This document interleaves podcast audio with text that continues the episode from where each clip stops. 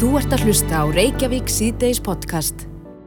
Jæja, Reykjavík síðdeis heldur áfram. Við ætlum aðeins að bregða okkur inn í tölvu heima. Heldur betur. Hún er sestirni hjá okkur Eva Margret Gunnadóttir, ný kjörinn formaður raf Íþróttarsambands Íslands. Velkomin. Takk hjá fyrir. Og til hann ekki mín í að titili. Já, takk fyrir það. Þegar þú ert formaður nummið tvö, það ekki? Jú, hann hérna Ólaur Safn var á undan mér. Hann Og hvað, sótistu eftir þessu embætti eða hvernig fer svona fram? Já, ég var búin að vera að vinna hjá hérna Rísi, rafíþróttasambandinu, í síðan byrjun árs. Búin að vera hérna í framlegsleverkunum og fleira og mér finnst það bara ótrúlega spennandi og skemmtilegt starfsvið, sko, þannig að ég kildi bara á þetta og ég held ég ekki eftir því, ekki ennþá. Ég, ég myndi að halda að þetta væri frekar stórt embætti, svolítið mm. margir yðkendur og þeim fer sífælt, þetta er sífælt stærri hópur. Algjörlega, sko, það er bara í, ótal margir sem spilda og fleiri en, en maður grunar, sko. Hvað eru margir? Er tala á því? Ég veit ekki hvað er á Íslandi, sko, nákvæmlega, en þetta eru bara mörg þúsund, sko, það eru bara, já. Er ekki, sko, hæstu peningu upphætnar eru í rásportinu? Jú, allavega eins og, eins og er, er það mjög mikið í útlöndum, öll þessi mót, vinning, vinningurinn þar er bara upp á marga miljónir oft, sko, mm -hmm. og svo náttúrulega töluleika yðnaður þar sem að vera framlega leikina, það er náttúrulega líka rosalega peningur, sko, mm -hmm. en hérna þetta er alltaf þróast bara mjög rætt hérna, sérstaklega líka heima, sko. Þannig að við getum kannski séð fyrir okkur eftir einhver ár við eigum einhverja atvinnumenn? Algjörlega, sko, eins og, og Rísi er búin að vera að gera núna senustu, senustu fjögur ára að búa til svona þetta skiplega umhverfi fyrir rafvirta fólk þetta er bara eins og í vennlum íþróttum þú veist, fókbaltamennir verða ekkert góðir nema þeir séu á, á skiplegum æfingum og, og þú veist, það er haldið utanum og sett markmið og svo leiðis mm. þannig að við þurfum að gera nákvæmlega sama við rafvirtfannar svo, svo við náum lengra sko. Eigum við landslið? Um, við eigum ekki landslið þess að er en við erum með ljósleira dildir allæmis sem að er bara einn stærsta íþróttakeppni á, á Íslandin í dag sko, sem er keppt í Counter-Strike mm -hmm. og það eru bara alveg verandi aðtunum en að spila það sko. Þannig að þyrstum við að vera með landslið í hverjum töluleik fyrir sig, eða hvað? Sko, þú getur náttúrulega eins og Dusty sem er bara félagslið sem er rosalega framalega í, í, í rafðilfundum í dag þeir eru að fara bara út sko, eru búin að vera að keppa ágætlega stórum mótum sko, og, og ganga vel þannig þarf það ekki alltaf að vera með landslið til þess að komast út og, og ná langt sko. mm. það getur líka bara verið þessi, þessi félagslið sko. En þeir sérhafa sig því, þá í einhverjum sérstaklega leik? Já, já, já, algjörlega, þeir eru í Counter-Strike og, og fleiri leikjum sko. Nú eru vantalega margi fóraldar sem er að hlusta sem að sko fóleiki hvað börnin eru mm -hmm. mikið í tölvun mm -hmm. Hvað viltu segja við þessa fóraldra? Ég myndi segja sko að, að ég held að margir þessi fólkdrar þurfa bara að kynnast þessum heim aðeins betur og, hérna, og skilja sko að þetta er ekki bara tímaðisla og, og, og svo lengi sem að börnin eru með sko jafnvægi áalli hinn, þú veist, þeir eru að standa sig í skólanum og eru er að hitta vinnina líka þó þau séu vissulega oft í leikunum líka þetta er náttúrulega rosa félagslegt að, að, veist, að vera að tala við vinni sína í, í hérna, tölfunni mm -hmm. svo lengi sem að börnin eru með jafnvægi áalli hinn þá bara gera svo vel að spila sko en auðvitað þarf alltaf að vera einhver svona umgerð í kringum þetta og það, það er svona mælu við með að sækja æfingar þú veist það eru fjölmörg hérna, hérna, félög í dag sem bjóð upp á, rafðurþrótt æfingar eins og, og breðablík þannig að og bara svona að kynna sér þetta aðeins betur. Skilja leikina þú veist í staðin fyrir að segja bara hættu núna í tölvunni. Mm -hmm. að þú skilur kannski ok, leikurinn er þú veist hver leikur getur verið tímyndur að það bara ok, þú má klára eitt leik, svo skal það koma. Ekki mm. bara rífan strax frá mm. tölvinni af því að það er náttúrulega kannski er líkur að perist meira sko, þú veist, leifunum að klára og bara, ég vil líka bara setjast niður með og prófa leikina sko það er oft bara ógíslega gaman. Er það ekki líka eiginlega skemmtilega fyrir barni heldur en fóreldri? Jú, mjög oft sko, ég menna þegar ég var yngið þá var mamma alltaf að stila á mig fjastríkunni sko. Þannig að þetta er, bara, þetta er líka bara svo mikið mitt, bara fjölskyldu, þetta getur alveg verið fjölskyldu sport sko. Hvað eru mörg íþróttafélag núna sem að bjóða upp á rafdeildir? Um, þau eru svona alveg þó náttúrulega mörg sko, þú veist, við erum með fylgir, með rosa flott, breyðablík um, já, það er alltaf að koma inn fleiri og fleiri. Engur út á landi? Það er nokkur út á landi, já. Er, eru öll þessi félög innan Þór, ykkar viðbanda þá? Þau eru öll hluti af, já, þau eru bara aðeldafélög hjá okkur sko. Mm -hmm. við, og við erum að veita þeim svona, þú veist, rákjöf og, og fræðslu og alls konar sko. En, en nú ertu nýkjörinn formaður, sko, hvernig sérðu þetta samband stækka enn frekar? Sko sem ég verði til að sjá meira af, eins og núna langar mig að fókusa á uh, stelpur í rafverðatum. Við erum ekki að sjá ekki mikið af þeim þó við séum sko, hvernig delt í, í rafverðatum núna en en svona sínileikin hjá stelpum veist, eins og við vorum hérna heldum um daginn stelpu kvöldi í Arína og við meina mætti 70 stelpur og sem er mjög mikið mm -hmm. og þær eru jafn margar og strákanir en það bara, við þurfum að ná í þær sko. Er, er stráka og, og hvenna deildir? Eða... Já, það er ekki í það er í hérna Valurand það það eru með rosa flotta hvenna deild en, en það vantar aðeins svona í fleiri, fleiri leikjum. En er ekki strákar og stelpur að kjappa á jafningja grundvelli í tónum? Jú, algjörlega sko, en hérna en það er svona ákveð strákarnir geta alveg verið svona sumir ekki alveg nógu góði við okkur í töluleikunum og eins og þessi leik sem ég er að spila bara á netinu og svona ef maður er að lenda í leik með strák mm -hmm. ég er ekkert mikið að tjá mig og svo þeir vita ég sé stelpa þegar þeir alveg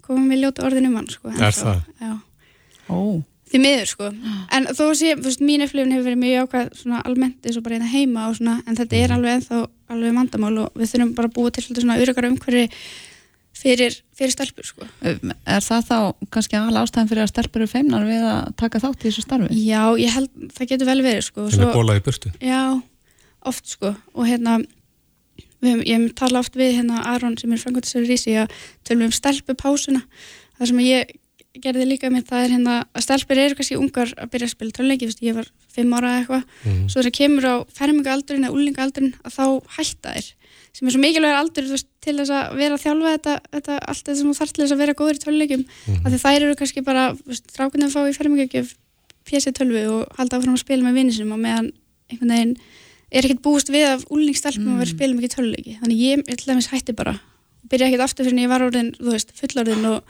var með svona sjálfsögurkið því að bara kíla á þetta sko. Mm, þannig að það er kannski ekki beint umhverfið er heldur ekki hvetjandi Nei, stefnur. en það er eitthvað sem við stefnum bara á að, breyta algjörlega sko. Og hvernig, hvernig, hvernig ætlar að gera það?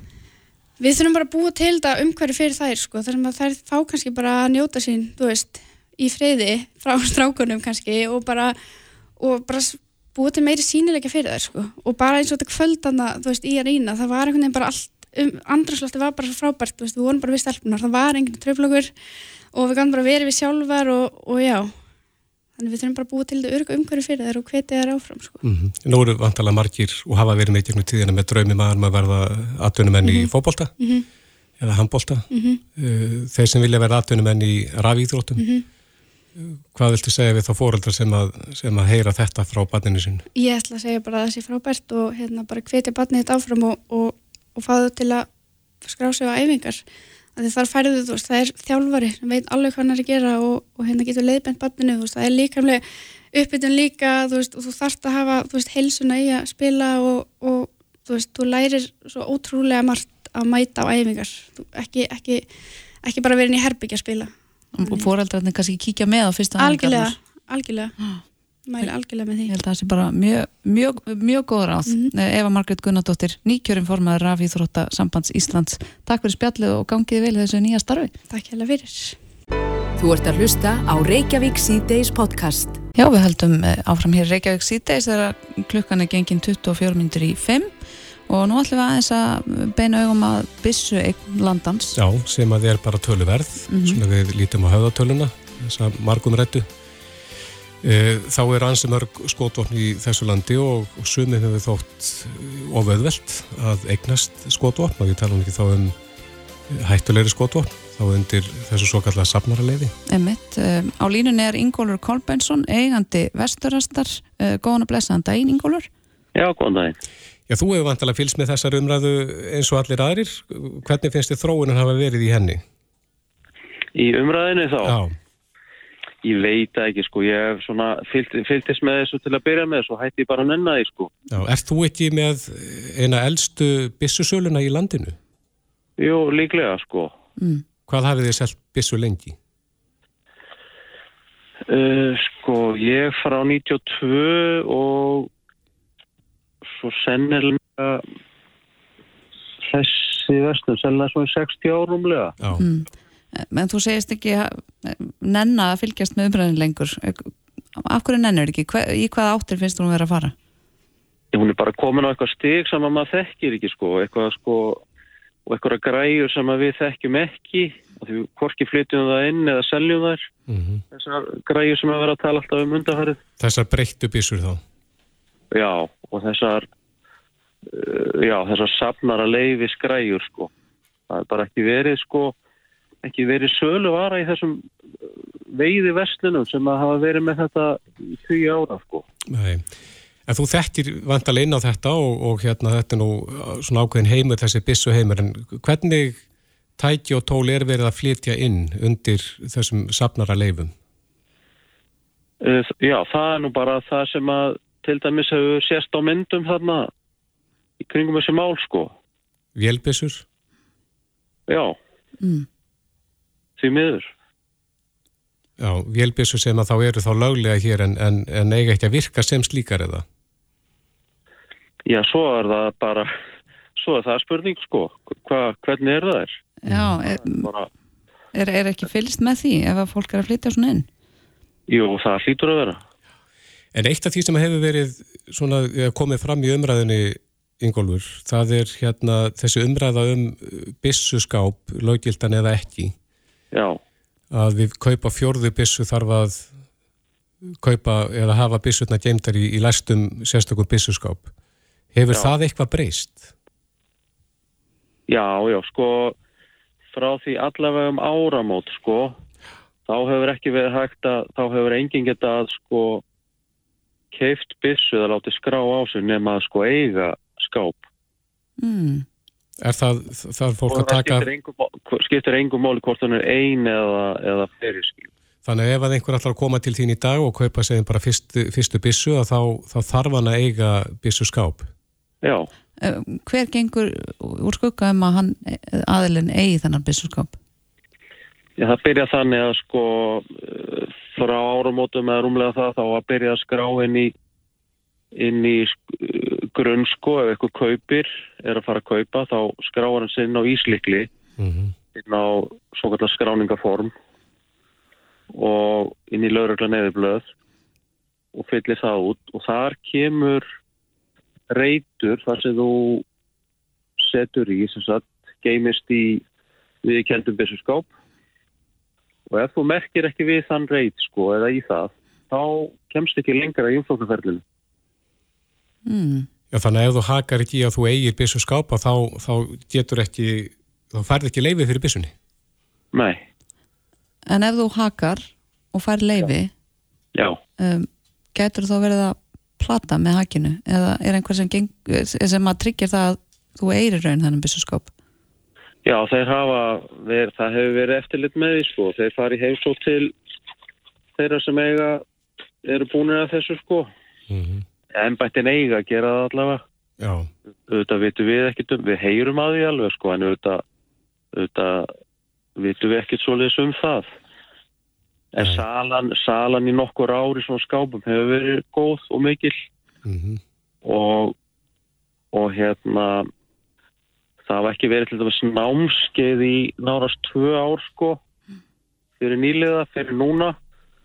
Og við finnum það alveg að nýliða þeir náttúrulega eru bara að kaupa bara skáp. Já. En þú hefur vantilega orðið var við þessu umræðu sem að var um þetta, hvað þó, fólki þótt þetta undarlegt að, að það þurfti ekki bissuskáp nema við kaupa á, fyrir en við kaupa á fjórðu bissu. Já, það var sko já, var umræðan var bara ekki rétt sko Að hvaða leiti? að, því, það, að það þyrfti skápið þriðið að fjóru byssu sko, það var bara við fyrstu byssu Mm. En, en það Sem að, fyrir ekki sem að þurfti þá sérstakann bissuskáp. Já, já, það er alltaf þannig mm. en þarf þessi byssuskapur að vera á sérstökum stað eða má maður bara hafa hann hvar sem er? Nei, hann er skráður bara á þitt heimilsong sko. Mm Þú getur ekki sko grunnurinn er skráð, það er skráð heimilsong í grunninn og þar verður hann að vera. mm Hann getur ekki verið hjá eða ert að geima það hjá af eða pappa sem öruglega sumir gera, þá þarf það að vera skráð þannig. Já. En Ingólfur, svona í þessar umræðu núna, er eitthvað sem að þú myndi vilja breyta þegar það kemur að skotvopna lögjöfunni sjálfri? Já, sko, það, þetta voru, þetta voru öruglega mistök þegar þessu sko, sko safnarlegi hafa verið til lengi. -hmm. En svo fó, dattið þetta yfir eitthvað annað plan fyrir einhverjum árum inn á eitthvað plan sem að við þessu sérna venlu viðbúða og byssusalar vildum ekki. Mistum en tökin á þessu? Örglega. Mm og, og hérna að því að sko þessar, þessar veiðibúði sem eru búin að selja þetta allar þessar tögi ára sko þessar veiðibissur og sportbissur og hvað það heitir þær hafa ekki verið innflutning í að sölu á þessum græn. Þannig að þetta er í rauninni svona tveir aðskildir heimar. Já, algjörlega. Mm -hmm. En það er alltaf búin stóra aukast þessi innflutningur uh, út af þessi safnarleifi. Já, það, það var það sennilega hvað ég hitti fyrir það þar, já, síðust árum sko, það var mm -hmm. það stóraukning. Myndur þið vilja taka fyrir það að það sé hægt að flytja þessi vopn undir þessum uh, merkjum? Já, við höfum aldrei viljað sjá þetta. Ertu þá að tala um þessa vélbísur og... Já. Getur nefnt okkur eitthvað meira sem fólk er að flytja inn undir þessum merkjum? Nei, þetta er sko, þetta er nú held ég verið aðalega þetta sko. En við erum aðtuga það að þessi safnarar í, í gegnum alla þessa tíð sko, þeir hafa verið sko safnarar á svo svona gömlum svona, hvað segja, antikbissum, mm -hmm. eldgömlum, veist, og allavega flesta rónatægar. Mm -hmm. Það, það voru þessi safnarar sem voru að safna í kringum eitthvað sögu og annað og, og en þetta er þetta nýja dótar á okkur öðru plani, ég veit ekki hvað gegnum hvað það er Fyrst er þetta svona ókvænleg þróun? Já, ég þetta, veist, þetta átti náttúrulega bara aldrei að komast á þetta plan. Hvað er mikið af slíkum vopnum? Það er, það, er, það er mjög auðvöld að breyta því. Hvernig þá? Bara breyta lögunum, að leifingan innflutning á þeim, hvorki, hvorki fyrir safnar eða aðra. En finnst þið þá að það er að gera það sem að hingaði komin og þegar, sem að þú óttast greinilega, að það er að gera það upptækt? það auðvitað endar eitthvað tíma með því sko þetta er náttúrulega, það hefur verið gert á Íslandi áður Já En þá væri kannski hægt að hafa bara strángari skilirði eh, fyrir safnara, einmitt að að fara aftur til fortíðar og safna þá bara einhverjum antikmunum sem að e, virka ekki lengur. Já, eða bara er ekki já, ekki sem sagt ekki þessi stríðstól. Nei, akkurat Já, Ingólfur Kolbjörnsson, uh, þessi umræði nú svo sem bara rétt að byrja, held ég. Í það minnst að er vilji hjá einhverjum til þess að, að endur skoða skotum á lögjöfuna. Ert... Já, hún er, hún er sko, lögjöfunni mjög góð öðru leiti. Þarna er bara glöfa sem að bara stoppa upp í. Já, Ingólfur Kolbjörnsson, eigandi vesturastar, kæra þætti fyrir spjallið. Flott er, takk. Þetta er Reykjavík C-Days podcast. Þeir komið til okkar fyrir helgi, eh, Viljámi Byrkisson, formaður starfsgrunarsambansins og eh, Haldur Benjamin Þorbergsson, formaður eða frangværtastjóri samtaka aðunlífsins og mér heyrði þá að þetta verður svolítið fjörugur kjara vetur. Jú, og einhver fjölu byrjuði að sína á spilinu, sem að segja, mm -hmm. bara að byrta einhver, einhver, einhvern vísi að kröfum allavegna. Einmitt. Og ég myndi nú halda kannski áhugaverðasta krafan sem hefur komið upp uh, undanvartna daga er frá félagi velstóra á málmtæknimanna mm -hmm. og það er varandi það að rauðudagarnir færist yfir á virkadaga ef þeir lenda á helgi. Já, og það, þessu hann á svarað eitthvað í dag af frangotastjóra samtaka atnulífsins en hann er komið til okkar Guðmundur Helgi Þórarensson, formaður félags vélstjóra á málmtæknimanna, kom til sæl. Góðan daginn. Eh, þessi krafa með rauðudag, rauðudagana, getur kannski, er þetta svo einfalt eins og ég segi, bara færa þá? Já, svona að mestu leiti, en rauðudagarnir kom alltaf mísjandnir á árið þannig að sum árin verður þetta kannski engi dagar og sum árin fimm dagar mm -hmm. að meðaltali eru þetta þrýr dagar á ári og það, þetta er ekki bara við sem eru með þetta, ég veit að það eru fleiri inna félög með sumu kröfu og ég verði ekki hissa þó að það kemur frá fleirum innan aðeins í Er þetta réttlætt í smál, finnst ykkur? Já, er það ekki, svolítið það, þetta er allavega leið sem að aðra þjóðir hafa tekið upp fyrir lungu og við þekkjum það frá Breitlandi og víðar þar sem að menn hafa sérstaklega frítaga mm -hmm. svo að menn geti fengið að njóta frítags þó hann sé á sundi. Jú, þetta kemur reglulega upp þegar við lendum í því óláni að rauðudagarnir lenda á helgi. Þá sér maður það allavega svona í umræðinu og samfélagsmiðlum að það eru margir að velta þessu fyrir sér. En þetta hefur nú kannski ekkert verið neitt aðalatrið í, í kjarabartu síðustu áratöga Nei, nei, það menn hafa beint spjótun sínum annað en hins vegar þá uh, eru við ekki að heldur að tala um alla rauðadaga bara þá rauðadaga sem að fara svona flakkandi eftir vikutögunum við til þess að, að páskar og kvítasun og svo lis heldur sér alveg óbreytt mm -hmm. en það eru jólin og áramótin sem að geta lent uh, inn í miðri viku og svo aftur á helgum og, og svo svona dagar eins og 17. júni og 1. mæi og... Það er erfitt að fara jólin til við færum ekki jólinn til en við getum fært frítagana til þetta myndi þýða að það erði fjóri dagar líklega um, sem þú fengir alltaf frí yfir jólinn og eins um áramót sko. mm -hmm. Myndi þá vilja tryggja þá jafnvel ef að jólinn lenda svona megnum til á helgi að það eru þá bara frímiðli jól og nýjás eða? Já sko þá færur til rauðudagana og svo er spurning hvort þú vil færa þetta alltaf aftur fyrir eða hvort þú vil taka það fyrirfram Mm -hmm. Mér sýnist nú þjófélagi að vera að stefna mikið í það að allir þeir sem að mögulega geta eru í frí á milli jól og nýjós. Mm. Hefur þetta verið mikið eh, rætt innan þíns félags? Ekkert sérstaklega, hins vegar gerðum við konun meðal eh, félagsmanna áður við fórum í þessa gröfugerð okkar og það var alveg skýrkrafa að menn vildu einblýna svolítið á frítagana sína, að mm -hmm. fá fleiri frítaga. Eða menn eru náttúrulega að byrja á 24. dag orlofi en það eru margir komnir eins og hjá ríkinu í Lámársorlof 30 dag og okkur finnst bara sjálfsagt að við fáum að fylgja þeim líka mm -hmm. en við gerum okkur fyllilega grein fyrir því að það eru þarna hópar sem ekki geta tekið frí á þessum dögum mm -hmm. eins og bara umhunnarstéttir og, og vestlunamenn hafa opið alveg fram á síðustu minútu og svo framins mm -hmm. og við viljum líka að aðfangadagur og gamlástagur verði stórhættíðadagur frá mótni til kvöls en ekki bara frá hátti eins og í dag Mm -hmm. Þessu hefur nú verið svarað, eh, Frankværtastjóri samtaka Atnulífsins, hann slæra á puttan á okkur og segir að menn get ekki fengið allt sem þið vilja. Já, já, hann talar til okkar barnana, hann veit þetta allt sjálfur, en, en þetta er bara hlut af okkar gröfum og það er svona kannski kurtins að við setjumst niður og ræðum málin áður við byrjum að ræða mikið út arfi en hann byrjaði á því. Mm. En, en ef við tökum bara þessu hugmyndum uh, rauðudagana, um, er þetta eitthvað sem þið munu setja á ottin, er þetta forgangsmál? Sko þetta er alltaf spurning hvað maður gefur eftir og hvað ekki sko en, en þetta er vissulega mál sem við viljum ræða mjög vel.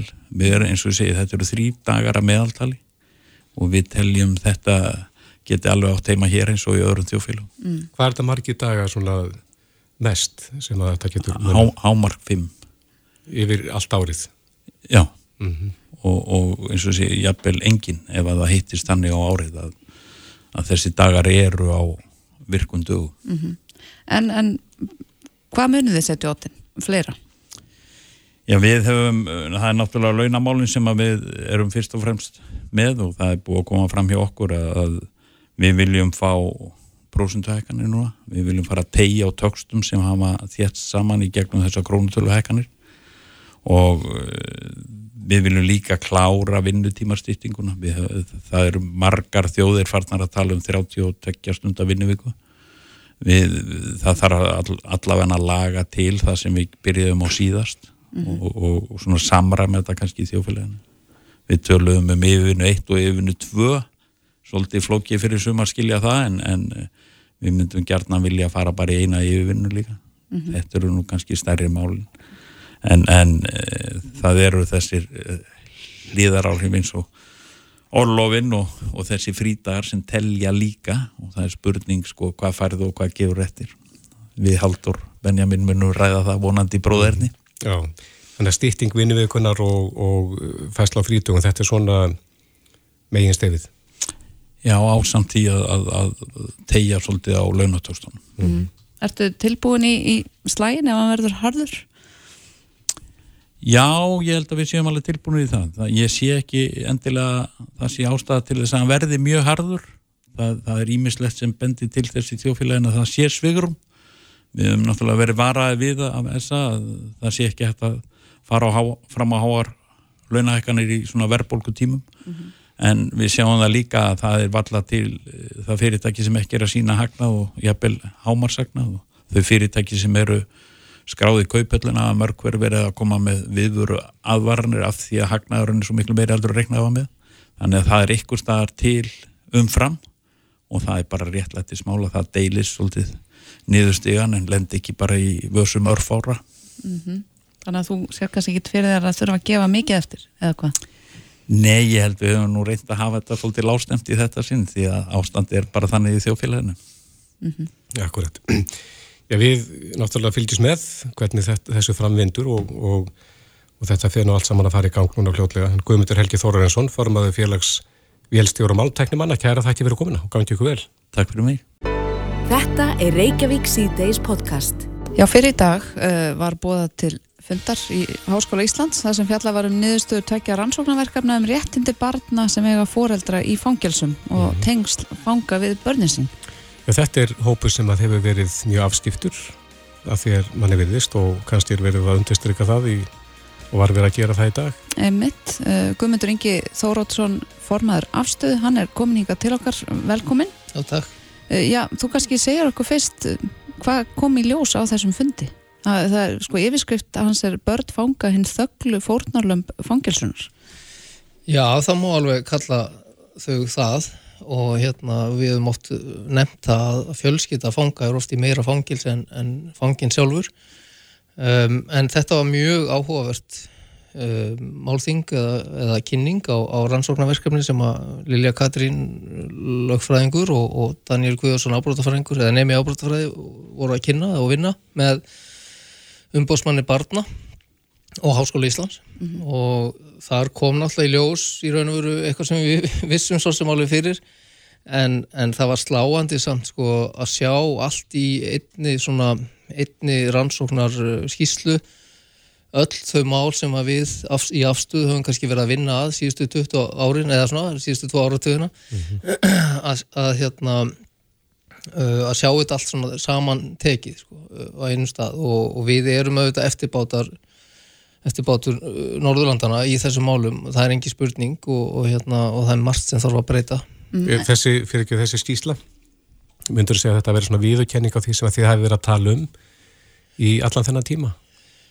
Já, það má alveg já, já, það má alveg segja það. Við erum, við, við erum hérna, marg oft sendt uh, skrifa greinar uh, sendt á stjórnvöld og umbósmann barna og og auðvitað fangismálstofnum að það þurfa að breyta mörgu mm -hmm. og það er svona mísjant hvernig hefur verið tekið í það en, en í raun virðast svörin og það var það sem kannski fangilsmálstofnum viðkendi áðan að, að þetta er alltaf spurningum auðvitað peninga, hvað menn vilja og þetta hefur bara ekki verið ofalega á lista mm -hmm. en, en nú er auðvitað komið meiri umræði í samfélagið um þessi mál og, og fólk og sérstaklega vísindarsamfélagi vill fá að vita meira um uh, börn sem eiga fórhaldur í fangilsi. En, en hvað meinar með þegar þú sagðir hérna rétt á þann að, að fjölskyldur uh, fanga varu jáfnvel í meira fangilsi en fangarnir? Erstu með eitthvað dæmi? Hvar eru brotalaminar? Já, já, sko, við verðum alltaf aftur okkur því að fólki sem er almennt í fangilsum er fólk með í mjög hérna, veikri stöðu eiga við alls konar félagslega vandamál eða, eða raskanir eða sjúkdóma og hérna er mjög illa sett, sett félagslega. Þetta er hópurinn sem er upp til hópa í fangilsum og þetta er einmitt það sem að hérna, Norðurlöndin hafa verið að rannsaka og, og, og, og hérna, upp frá því hafa þeir verið að breyta sínu fangilskerfi þeir hafa verið að taka upp þessa svo kalluðu endurhæfingarstefnu sem all Norðurlöndin hafa gert en ekki við og, og hérna og, það, það, og, það, þá hafa þeir verið auðvitað sko að því þeir náttúrulega taka þessi málu upp heilstætt og þarlegandi er hlutur barna fanga skoðaður líka. Og það sáum við svo greinilega að, að til dæmis eru Norðurlundi með eitthvað sem heitir barna fulltrúi þá er það einhvers konar umbóðsmaður barna í hverju einasta fangilsi og það er eitthvað sem við þyrstum að taka upp hér líka bara sem tryggir það að barnið fái sinn rétt. Uh, barnalaugin eru náttúrulega eitthvað sem við teljum að sé uh, æðri öðrun lögu mm -hmm. og það hefur ekki verið. Við, við höfum verið að setja alls konar reglur varðandi heimsóknir barna varðandi hvernig fólk sem fær að hitta börni sín og annars slíkt og það, það stangast bara á við uh, stjórnarskraf til dæmis en maður getur ímynda sér fyrir barn að það sé mikið áfall þegar foreldri lendir í fangilsi fá þau einhverja aðstóð við að vinna úr því áfalli? Nei, ég raun og veru ekki. Þau fá væntalega bara aðstof hjá kannski sálfræðingi, skólasálfræðingi eða eitthvað slíkt en, en það eru yfirleitt ekki fólk sem að sem hefur kannski þekkingu endil á þessu málum. Um, við hjá afstöðu höfum kannski verið eina uh, hagsmunafélagi sem hefur synd aðstandendum fanga og börnum fanga hinga til Er það að gera það í dag? Við erum að gera það í dag og í raun og veru eru aðstandendur fanga orðið stærri hópur af okkar skjólstæðingum heldur en kannski fangarnir sjálfur. Í hverju fælst svo aðstóð? Já, það er bara í, í rákjöf og viðtölum sko. Uh, við erum náttúrulega ekki, uh, við erum, við erum með fagfólk sem við getum vísa til en, en almennt er, vil bara fólk fá að vita hvernig lífi gengur inn í fanginsónum og hvernig, hvernig hlutinni virka og hvað er að fara að gerast og, og hérna Um, og sérstaklega með börn fanga, Þa, það eru engar eða mjög litlar upplýsingar að hafa hvernig lífið er í fangilsónum mm -hmm. og, og það sjáum við til dæmis sáum bara á þessu málþingi áðan að, að hérna uh, að Norðurlöndin eru með sér heimasýður uh, fyrir allt svona.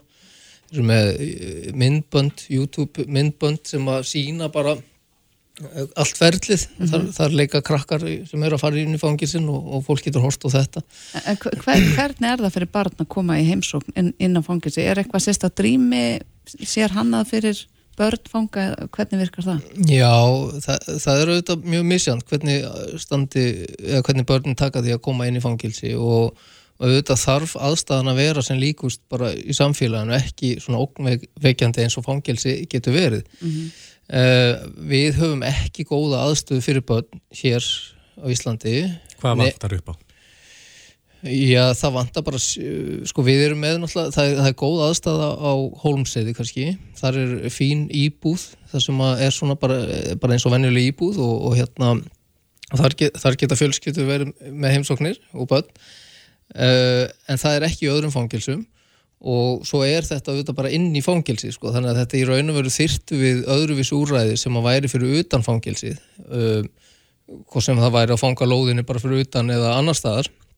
Það er eitthvað sem við, við, við þurfum og þú spyr hvað vantar upp á og hvað vantar pening og, uh, en, en það bara borgar sér, þetta marg borgar sér að gera þetta almennilega. Því að sko fólk fær áfall, börn fá áfall við að, að, að fóreldri sér sett í fangilsi og og líka áfallið að koma inn í fangilsi og, og hérna um, þannig að við þurfum bara að gera þetta almenlega því að við hérna erum að sjá að, að, að, að við þessi áföll og geta börnin síðan setna mér uh, lenda á annari braud eða sömu braud og foreldri kannski.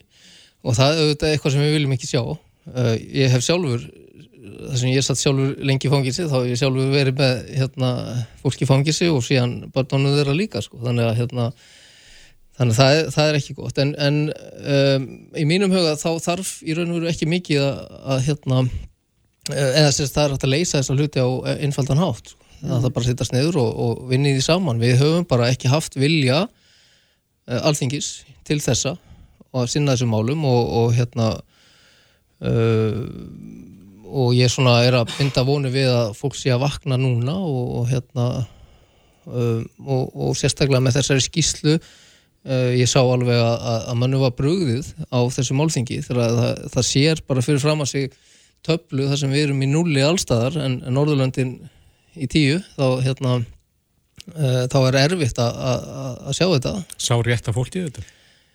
Um, fórstýri fangilsmálstofna var á staðnum mm -hmm.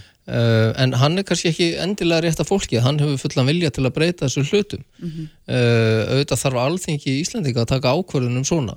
Um, það var eitt þingmaður á staðnum uh, Haldur Amóisen fulltrúi Pírata. Ég hefði auðvitað vilja sjá miklu fleiri þingmenn og ráðamenn á staðnum. Mm -hmm. og að því að þetta er eitthvað sem að þetta er náttúrulega pólitísk ákvörðun að breyta kerfinu í okkur ég hef sagt að miljón sinnum að við þurfum að gera grundvalla breytingu og, og hætta með refsistefnu og taka upp endurhæfingarstefnu, mm -hmm. heilstætt og þar á meðal uh, sagt, taka inn í uh, barnalögin inn, inn, í þá, inn í þá stefnu. En í stóra sammenginu væri það mjög kostnæðasamt að breyta kerfin okkar? Það er kannski mjög kostnæðasamt fyrsta eða annað árið en uh, síðan kemur eftir það að þá erum við bara að græða í raun og veru ef við má segja svo. Uh, þá fyrir kostnaðurinn minkandi uh, það kemur heilbyrjar fólk út í samfélaginu með, með styrkari fjölskyttu sambund, tengingar. Það fyrir að vinna borga skatta og endur komið tíni í fangilsin og glæpa tíni lækkar, þannig að þetta er vinn-vinn hérna mál sko, þannig að Þannig að hérna, þetta bara hefur verið lítil þekking kannski á þessum málum hjá alþingi og, og, og, og lítill vilji til að breyta hinga til því miður. Já, það er nú ekki langt síðan að þið stopnið þessi samtök, þú varst einn af stopnfélagunum. Jú, jú, það er mjög langt síðan við stopnum það er að vera komið tveir áratíði síðan. Ég held að eh, núna í, í, í februar næst, næsta ári þá verðum við 18 ára. Já. Uh, jú, jú, ég var einn af stopnendunum og við erum síðan þá erum við búin að vera að vinna start og stöðut að, að að, vekja umræðu um þessi mál uh, fá fólk til að átta sig á hlutunum að það, það er úr seint að fara að hugsa um þessa hluti þegar náinn ættingi er komin í fangilsi mm -hmm. uh, sem að er að gerast aftur og aftur auðvitað mm -hmm. um, og, og það gerum við með greinaskrifum og, og, og svona vekja umræðu í, í, hérna, samfélaginu og til að minka fordóma Er, er þetta sjálfbóðlega starf? Já, þetta er sjálfbóðlega starf. Við erum þó nokkur sem að vinnum að þessu í, í miklu sjálfbóðlega starfi alla daga og á kvöldin og um helgar um, og höfum gert allan þennan tíma. Hélstu að fyrir 18 árum að þú myndir sitja hérna en 18 árum setna tæpum mm. og þeir væri ennþá í sama fari?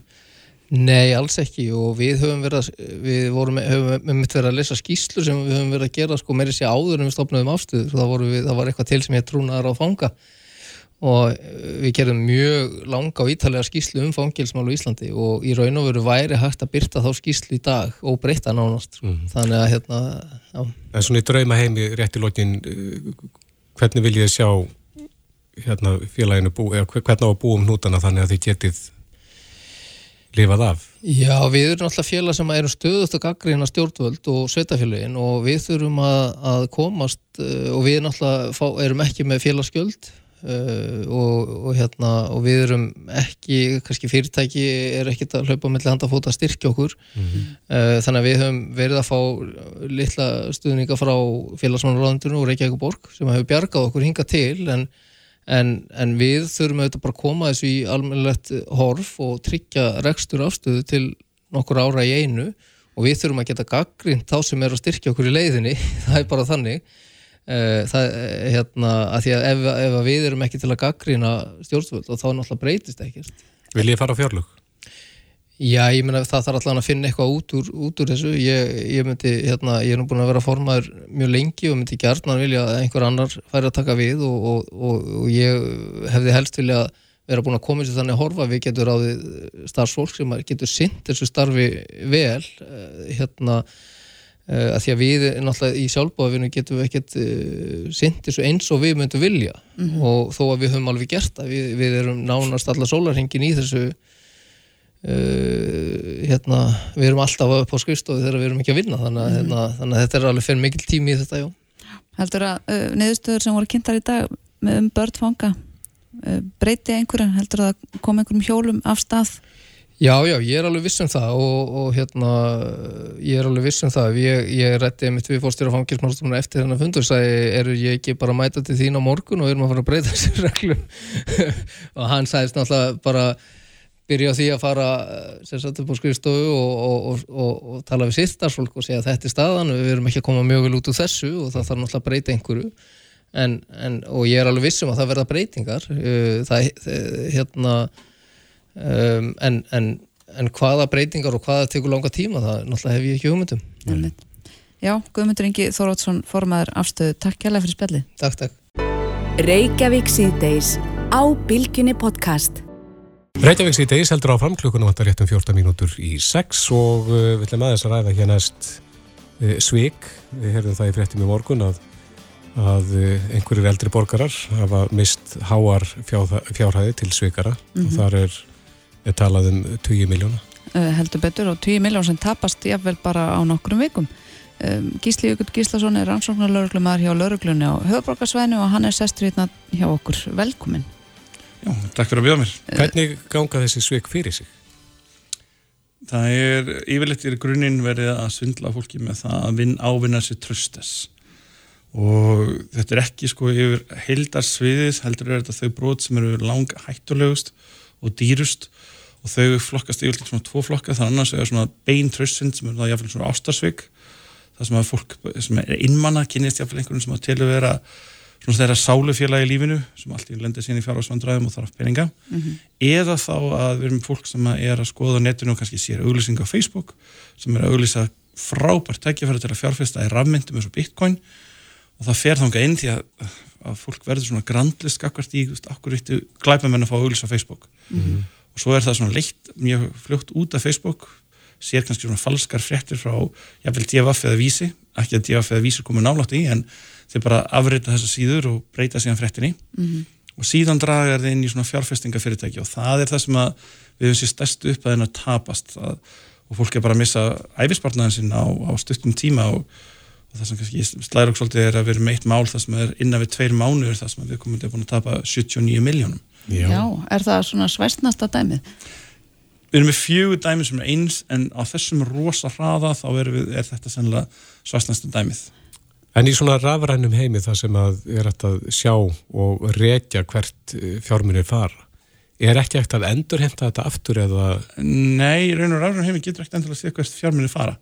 Megnið þessu fyrr núna í dag, síðustu tvö ár hefur þetta verið að ferast alltaf meira og meira yfir í rafmyndir mm -hmm. og þá ertu vissulega með það sem heitir bálkakæði og annað en það yfir segir ekki hver er á bakvið innstæklingurinn því það er bara að segja hvort að myndin sé raunveruleg innan keðjunar. Mm. En í þessu tilfellin það sem að fólk er að millifæra þá 20 miljóna, er, þa er það þá í rafmyndum eða er það í... Nei, í raun og veru eru glæpamenninu mjög snjallir og þú voru aðtöða að sá sem ást að keppa móti eru skipilega glæpasamtök. Þetta er ekki mm. einhverjir bara einn bílskúr sem er setjað heima hjá sér. Þetta eru menn sem að eru að vinna saman, þróar aðferðir, finna hvað virkar, nota meira því, svona, veist, það sem virkar ekki hægt að nota og þannig kolla kolli mm -hmm. og það sem þeir eru að gera með þessum aðferðum að, að draga fólk inn í svindlið er að gefa, skapa bara þannig trúverðu og raunveruleika sem að, sko, trúverðu að síkumellu sem að fólk telur sér rétt og þá kemur því kannski sem við höfum verið að sjá er að þeir eru fyrir að greina heilstætt málin að við erum að horfa á hópur brotaþóla í þessum svæstustu málum í meirin 90% af þeim eru 50 ára eldri og innan þess hóps er meirin helmingur 67 ára eldri. Já. Og það sem að kannski hefur svo mikið áhrif þarna er að fólk sem að er orðið þetta gamalt á kannski svolítið erfiðar með að sjá eitthvað sem er falsk strax en það er líka að lifa alla svona æfi í umhverfi það sem að bankastofnarnir, fjárstækstofnarnir, þetta er allt satt. Mm. og treyst, treysta meira. en núna ertu hins vegar, já treysta miklu meira. Mm -hmm. en núna ertu komin á það svið það sem að þeir sem er að svindla þeir vita alveg hvernig þeir er að gera þetta svolítið nógu trúverðugt til þess að grípa fólk. Og líkilatri á þeim líka er að fá fólk til að skrá inn síman sinn þannig að þeir getur svona hamra á þeim á símtunum, allt í náttúrulega búin að eignast vin sem að mm -hmm. heitir einhverju nafni. Hann heitir David eða Paul eða bara, það er eitthvað upplóið, manneskjan er ekki náttúrulega til. Mm -hmm. en hún verður alltaf í vinuðin, hún hefur áhuga í Íslandi, alltaf á leðningað og, og þú veist svona þið farið að fylgja skemmt ykkur saman. Og það er líka kannski annað sem við sjáum með fólk sem er eldra að það er kannski með fullta frítíma er, er svolítið einmana og allt í nefnir er bara gott að eiga nýjan vin. Og eða þú ert hjá örugu fjárfæstingafyrirtæki eins og það upplýðir sig og þú ert alltaf inn við orðið fulltrúa sem er orðin vinuðinn mm -hmm. hvernig áttu áttu að því þetta er svindl? En, hvernig líður þessi fólki til dæmis eins og bara þessi dæmi sem þú varst að nefna hérna áðan með að tapa hérna 20 miljónum hvernig líður því? Því líður að vera rosalega bara mjög, mjög, mjög illa og það er ekki bara það að það hefur kannski tapað æfisbarnarinn sinum heldur líka það að þannig er eiginlega búið að draga það inn á því hvað það er sínum ekki tröst og hvað er tilbúið að trúa því sem er að gerast og ég fylg eiginleika sem gerir þetta góðu fólki en þessum eiginleikar eru sem algjörlega misnótaður og snúið upp í ránkværu sína engöngu til þess eins að ná á þeim peningum. Og það er það sem var ekki fyrir glæfmönum þetta, er spurning um peninga. En, en þessar, þessar háu fjárhæðir uh, það eru ekki hægt að reykja uh, tapar fólk bara öllir ekkert hægt að gera til að uh, fá eitthvað bætt? Nei, fyrir þá sem eru að stunda svona glæpi þá er þetta þrýþætt skipting þeir eru fyrst að horfa það hvernig búum við til net þar sem við veiðum stóran hóp og mælum síðan út hverjir eru líklegir til þess að vera brótaþólar í þessum hópi.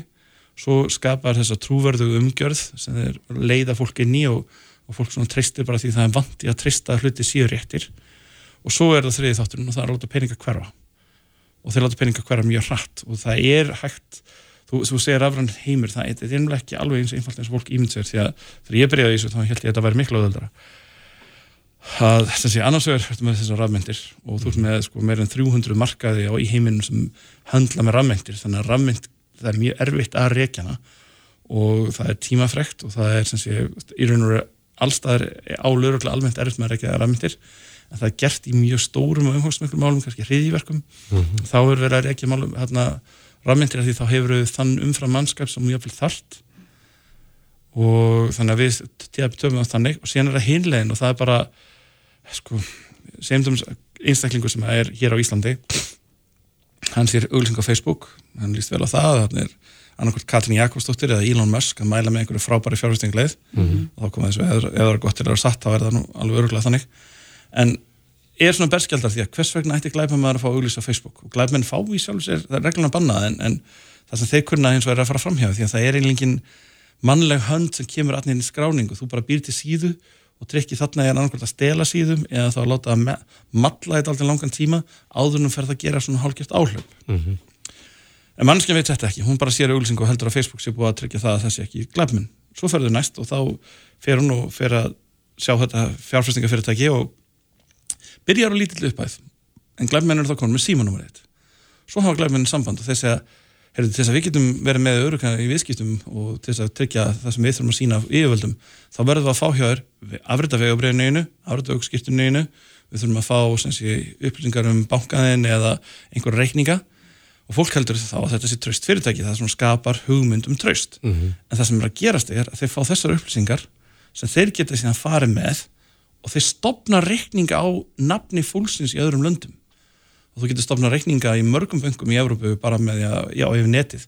Er ekki eins og verið í landinu þar sem þú ert að stofna reikningin og ég myndi að ef annarkvært ykkar væri sem sé bara að leggja einn peninga og eina sem bankanir sjá er að þú ert að leggja einn peninga sjálf að þig, bara mitt tvekja banka. Mm -hmm. en annar reikningurinn er einhverstað í útlöndum og þú er ynga stjórn á hann því að það varst aldrei þú sem stofnar þá, þú bara afhendir upplýsingarna sem þarf til að búa til þennan reikning Aðeins varandi þennan hóp, þetta eru eldri bólkar að segju, mestmæknis, en hver er kynjastiftingin? Kynjaskiptingin myndi ég halda að vera svona nokkuð jafndreið nema kannski í ástarsvindli þá er hallar aðeins meira á konur. Mm. en uh, það er ekki mann ekki eftir neittni sérstaklega við sjáum ekki neitt meira í eina áttina eða aðra. Það er kannski önnu breyta sem að skipti máli og það er nýlegt áfall við sjáum stundum hjá þessum hópi og allir sem ekki með svona 70-80% mála að makamissir mm. skilnaður Svindlar þetta nýtast eða það? Já, það segja, hafur lengt í alvarlega áfalli, þá verðist þau vera augalega ofinn fyrir því að trúa sveikamölu. Þú veist einhvern veginn, varnir þínar gagvar því að eitthvað segir líi verða verri. Mm. En er fólk ekki meira varbergja því að þetta er nú í þriðarstíft á stöknum tíma sem að þú kemur til okkar og þetta er mikið í fréttum verður, maður er svolítið hissað að fólk sé enn þann dag í dag að, að falla fyrir svona? Já, það er líka við sem gildur að hugsa svolítið vittlust þess að, að við kannski komur umhverfið það sem einu sinni voru fjölmjölar þannig að fólk hlustaði og talaði eitt í tíman sem fjölmjöla mm -hmm. en núna er hver veit fjölmjöl með bara með litla dreifingu og það er örugt núna að það er einhver hlustaðan og þátt sem hugsa bara að þetta kemur ekki fyrir mig. En ég tekja á móti meirin 400 manns í hildina og í þessum 400 manna hópi þá er enginn sem ég hitt sem held að þetta myndi koma fyrir hana eða hann mm. að því þetta er svona fjarlægtir og þegar þú ert að sjá þetta þú, þú ætlar að græða á rafmyndum, þú er heyrt að það sé mjög öðvöld að græða á rafmyndum og þess að nota er einmitt rafmyndir því að fólk alveg skilur ekki alveg hvernig það gengur fyrir sig mm -hmm. og dregur það þannig inn og, og bara fólk er svo berskjálta fyrir að það heldur eitthvað sér satt en er í raun og veru komin í hendunar á einhverjum sem er bara búa til þessa trúverðu mynd en, en er bara peningar til þeirra. En er þá borin vona við náum til allra? Ég held að þessi er svona eins og bara með sangkvæmt, þú verður bara að gera þetta oft og oft og oft og oft. Mm -hmm. En svo er oft og, fólk, að, fyrir ekki fólk ofta að verja peningarna sem það er búið að leggja nú þegar í svindlið. Það er náttúrulega þekkt bara eins og í fjárhaldspilum og það, það eru ákveðin sálfræðadreið sem líkjast fjárhaldspilum að það er annars vegar þetta að að þú sér búin að setja svo mikið peningum í pottin að þú hefur ekki efna á því að þetta sé líi og þú sér búin að tapallu þannig að þú ert tilbúin að leggja eina miljón í viðbót til þess að allt gangi upp og allt verði gott. Mm -hmm. eða þá, eins og glæfmenni verðast alveg kunna er að þau búa til svona mjög samfærandi heimabanka sem eru bara svona síndarbankar en þar verðist fólk að græða. Og það rugglar fólki, ennþá meira fólk í rýminu ef þú ert að græða, þá, þá finnst þér eins og þetta sé alltaf gerast og það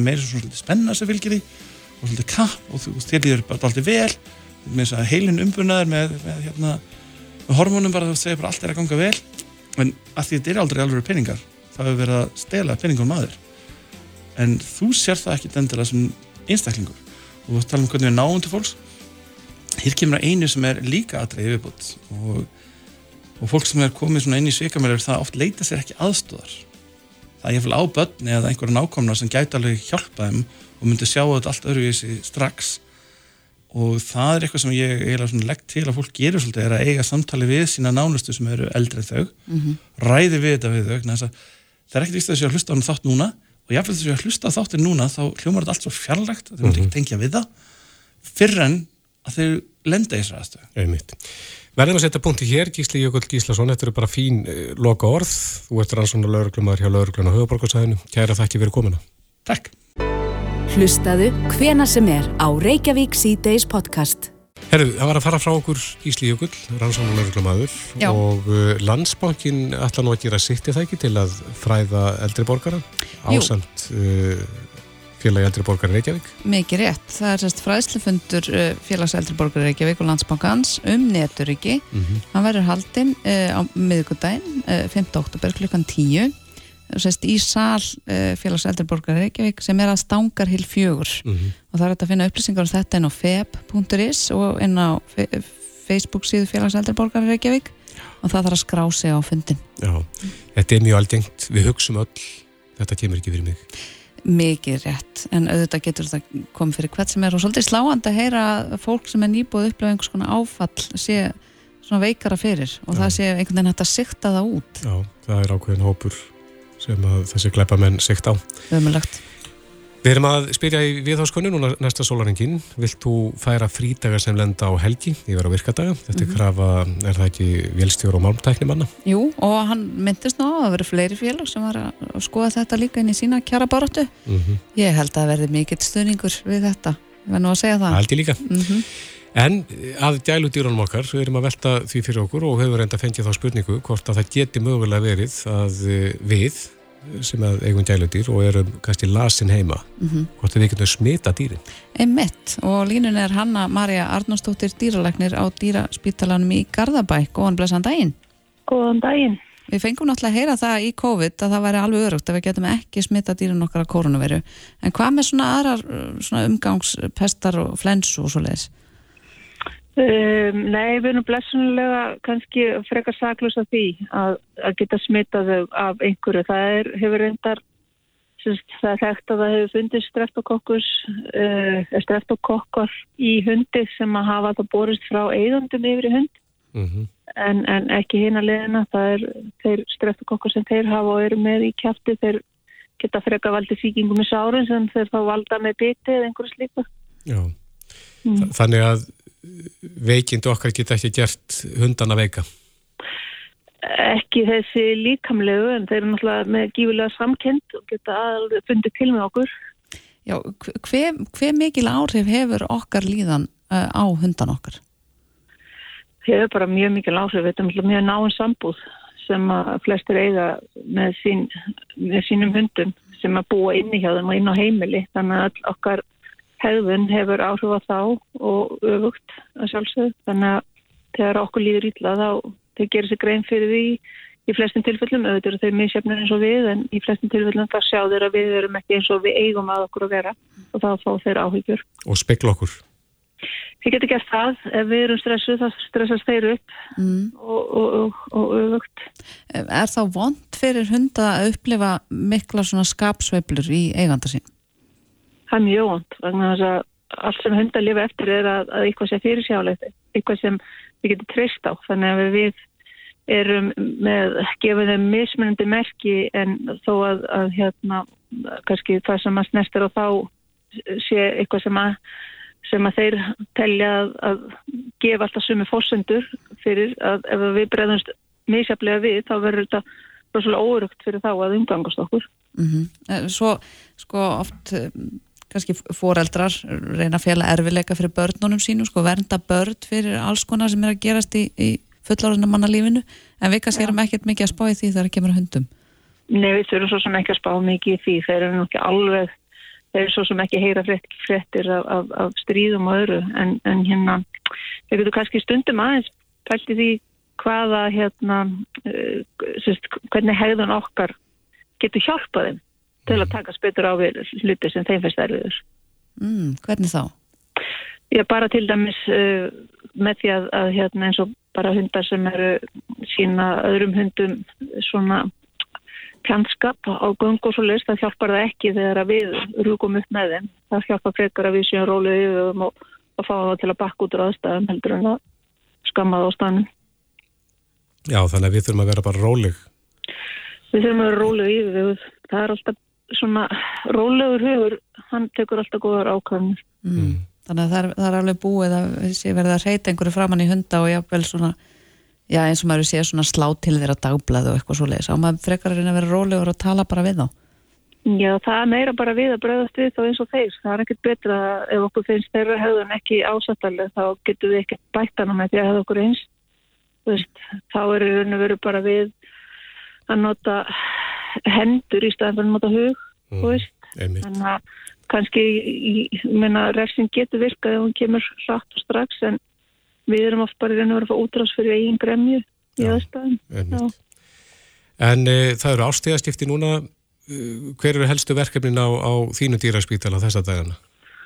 Um, það hefur verið tölverkt af uppgangi og niðurgangspestum þess að gerist þegar að flóran í, í hérna, umhverfinu breytist um, svona rótnunabakteríur og annað sem koma fram uh, slísin vegna skambegisins þegar að sérstaklega kettinir það er ágætt að búti regla heimilin að hafa það bara inni þegar að skamdegi kemur sem þegar það fer að dimma.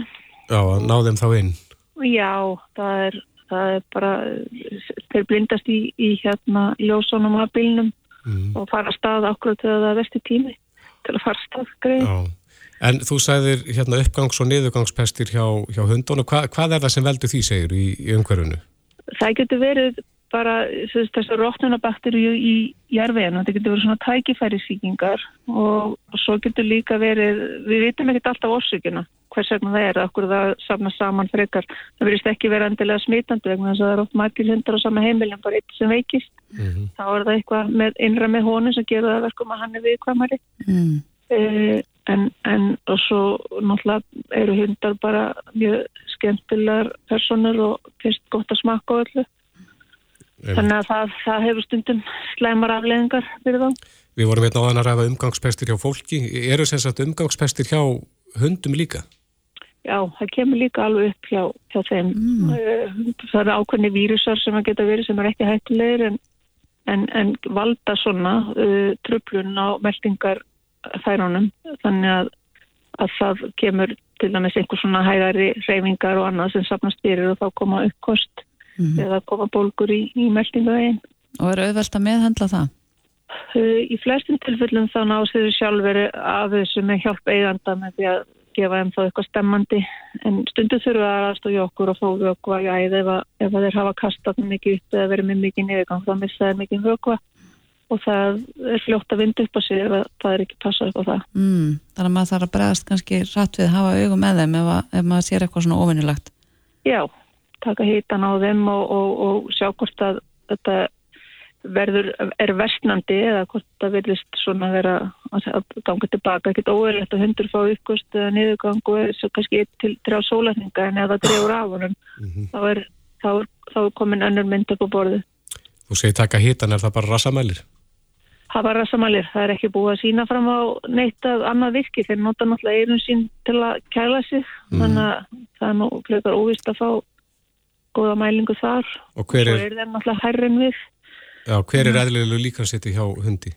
Hjá hundi það er 37,5 til 39 getur verið eðlilegt allt eftir hvað hann er að gera. Mm -hmm. En það er kannski betra að vera þá tveir við mælinguna maður veit nú kannski ekki hvernig það bregðast við Já, það er nota tækifæri, eru ungi korpar og, og kenna á jákvæðan hátt þó það er kannski þannig að þú eru ekki að stinga mælunum í fyrsta kastið, það er náttúrulega breður honum örgulega, Já, en ef þú svona kennir honum að fá að koma að þessum staði eða vera með hanska og setja bara puttan á til hennis, þá er hann ekki ókunnur þeirri nálgun og, og fæ kannski eitthvað að geta með hann bara. Já, akkurat. Já, herru, kæra þakkir fyrir þetta eftir aðtegli verðt. Hanna Arnársdóttir, dýralæknir og dýraspítalanum í Garðabæ, kæra þakkir fyrir þetta. Það var lítið.